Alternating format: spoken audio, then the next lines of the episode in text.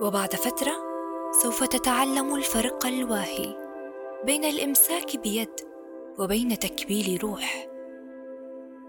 وتتعلم أن الحب لا يعني الاتكاء وأن الصحبة لا تعني الأمان وأن الهدايا ليست وعودا.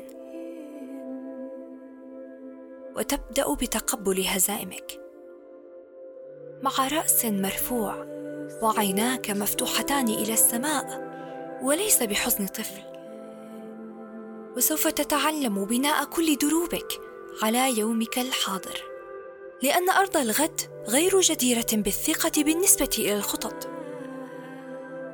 وبعد فترة تتعلم أن حتى أشعة الشمس تحرق إذا بالغت في الاقتراب. لذا قم بزرع حديقتك وزين روحك بدلا من انتظار شخص ما ليحضر لك الزهور. وسوف تتعلم أننا بحاجة إلى الخيال كي نواجه تلك الفظاعات التي تفرضها علينا الأشياء.